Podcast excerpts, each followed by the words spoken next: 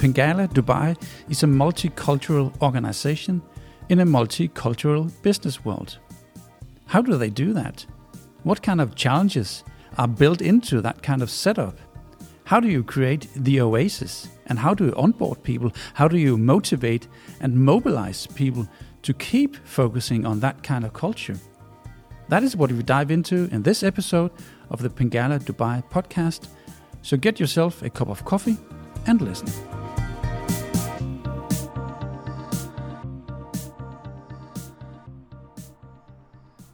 Mostly the Asian culture, the flat organization is very, very rare. It's it's pretty rare, I would say. We are we are mostly used with the managerial hierarchical. Like there will be a vice president, there will be a president, there is a middle management, then there is a you know senior management. So many many levels. The problem is to get a thing done it takes a lot of time mm-hmm. you know policies procedures mm-hmm. you will have to get approvals for so many things so uh, I would say these hierarchy actually cripples the process in a way, mm-hmm. rather than you know in a flat organization, decision making is quite fast. That's what, what I feel with the flat organization, yeah. But uh, coming from Indian background or Pakistan background, uh, I don't think once you accept or embrace this kind of culture, then there is no going back. yeah, initial, as I said, is a shocker, but there is no going back. Mm-hmm. yeah, everybody is adopting to this culture. That was Lakshmi Panikkal very nicely describing the cultural legacy that most people bring with them when they either enter Pingala Dubai or start working with Pingala Dubai. In this episode, you're going to hear from Mudassar Qureshi, Prashant Singha, Vidya Menon, and again from Lakshmi Panikkal. All of them are going to describe aspects of working in a multicultural organization and how the onboarding actually feels. Let's pass the microphone to Prashant, to Vidya, back to Prashant, and then to Mudassar.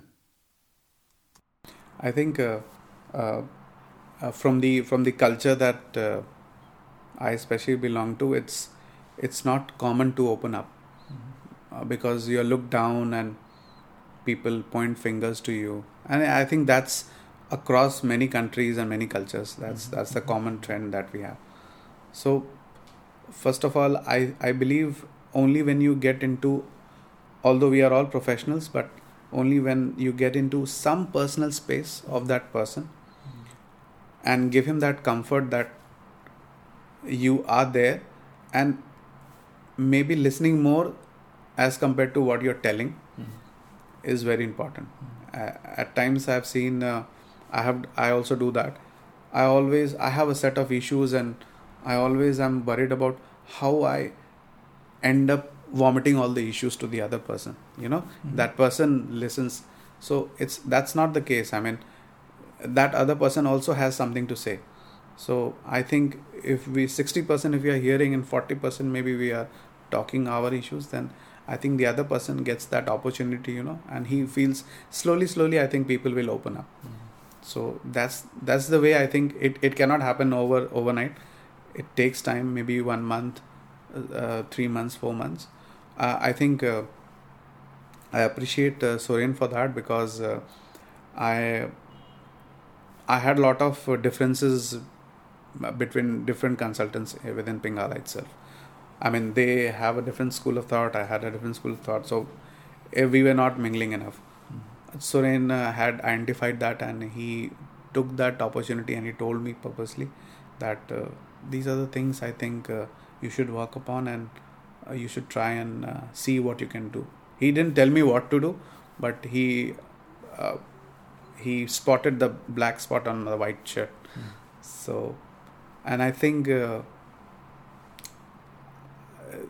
I did not put those as my notes, but I think it was there in my subconscious mind, mm-hmm. and I think gradually it has t- turned up well.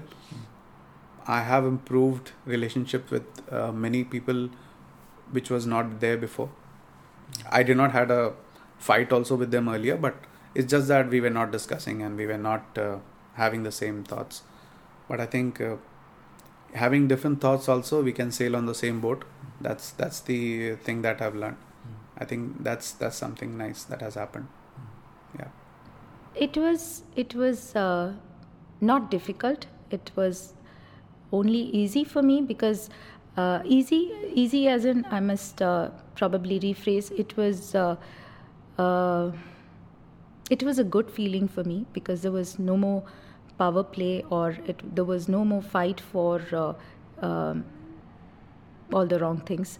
It was more collaborative, mm. and uh, you learn to respect a lot more because uh, you can be a project manager on this project, and on the other project, you can be a consultant who has another project manager. So you tend to respect uh, each other a lot more beyond the hierarchies, the beyond the positions.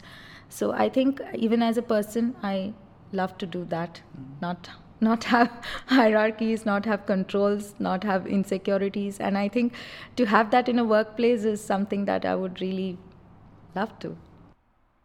I have been interviewing many guys, uh, many candidates, and the moment I start telling them uh, what is Pingala and what is the culture, they get surprised. I mean, they are most of the cons- I mean aspirants they are baffled to understand, baffled to know that oh really is I mean is is that even possible? I mean, we have never seen that. We have worked in IBM, we have worked in big companies in India. That has never happened. I just tell them you have to uh, work with us to believe and see that it's it is there, and uh, I think yeah, that's that's the big difference that I think, uh, and the open culture is there, where if you have a problem, you can go and discuss. Uh, I have not been very honest before joining uh, Pingala. I have been because of the organizations I've been working, and I know there are a lot of politics and things happening. So I most of the times, not most of the times, but uh, many times I have fabricated my thoughts so that it doesn't go against me. But uh, subsequent years that I've been working with Pingala, I think that being honest thing has evolved more. I can openly talk and express myself, which which was not before. That's that's I think uh, also one of the uh, major difference that you are able to express your thoughts, express what you think about something, and uh, that's I think really important because that uh, gives a different perspective into a particular thing and maybe that's right maybe that's wrong. But at least uh, you get that freedom and to express.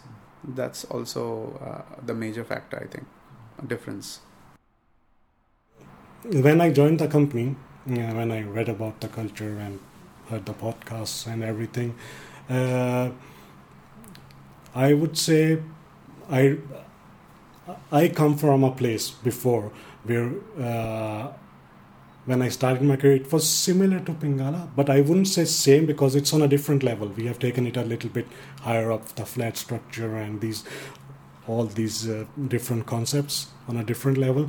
But I would say generally this is how I have worked with freedom, with responsi- uh, freedom with responsibility. I am used to it. The thing that I like, in addition, here was that this has taken the next step where you actually uh, have the freedom of moving around. There's no bureaucracy. Even though I work, I was so brainwashed. I can work in a company which is bureaucratic.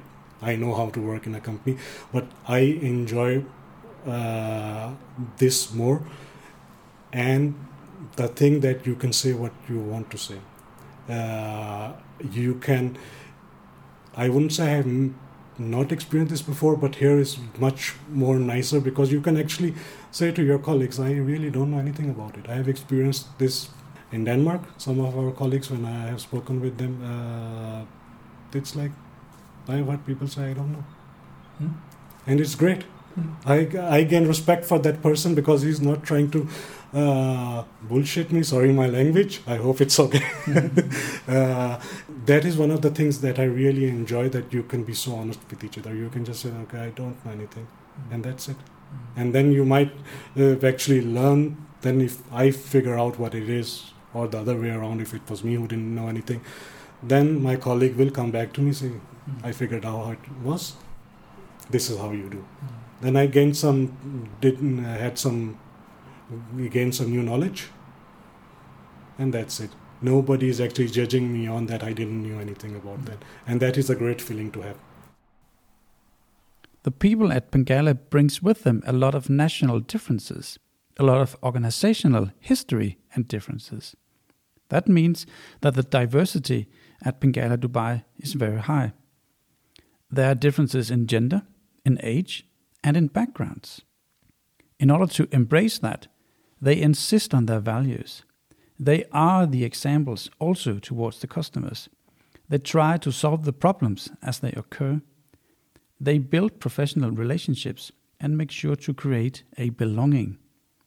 Let's hear from Mudassar and then from Vidya different examples of the multicultural aspects and how that actually in practical turns out. And also how they handled the COVID lockdown and what it led to afterwards.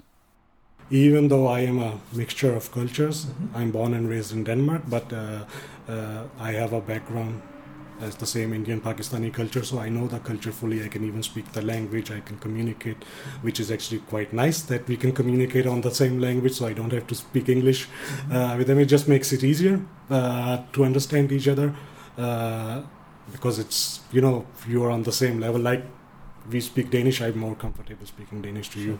So it's like, uh, so I have this uh, uh, gift from my multicultural, uh, uh, but even though I would say it's very hard because of some of the cultural things that are in our cultures. Mm-hmm. It's about levels, mm-hmm. Uh, hierarchies. Again, as an example, I've seen projects where the customer just came meeting now here. It doesn't matter what you're doing I have never experienced that before in my life. You have asked, do you have time this time? I will send you a meeting request. We will do the meeting.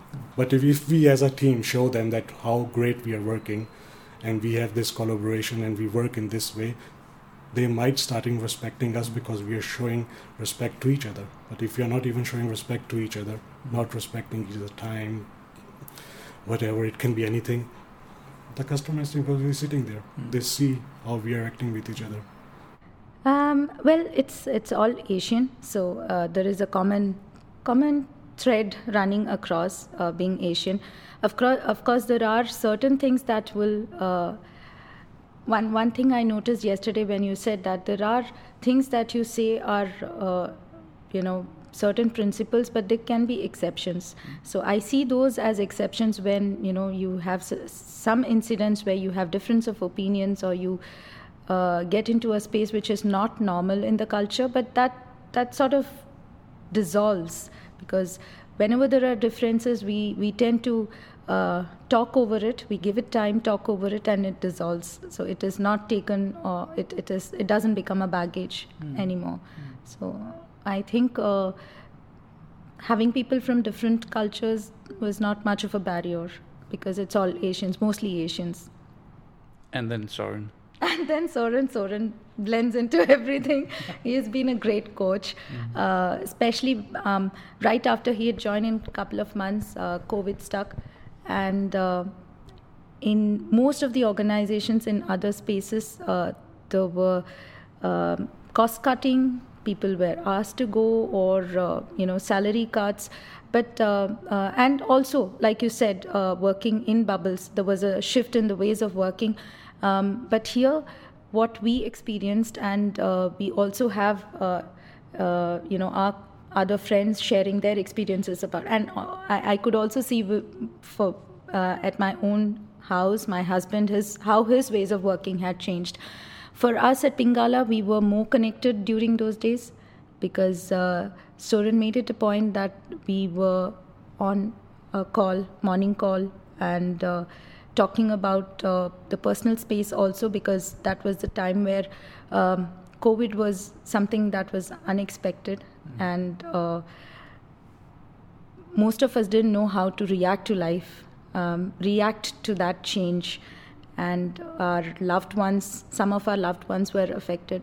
So it was uh, the, the, the comfort that he created with these calls, with some of the entertainment, uh, Kahoot, uh, all, all those things. It was, at least for that time, we didn't think about the, you know, the odds that were happening. And it also helped us connect as a, a group, as, as we, we all were together. And uh, we were also deliberating, we were brainstorming on how can we find out more opportunities because people had become closed to certain things. A um, lot of uh, prospects that we had in our pipeline that really went uh, cold because this was new. So we all had formed uh, different business circles, different circles to make sure that we were exploring at the same time, you know, being connected. And I think the time we invested during those months really is paying off now mm. with, with the kind of response we are getting from the market and um, the the deals that we are able to close. I think that that came off as a very good investment during those days. And the best part is that we all are together. The best part is that we all are together. Pingala's purpose is to be an oasis for the market's most talented Dynamics 365 and BI people for the benefit of our customers in a lifelong cooperation. Pingala wants to be an oasis.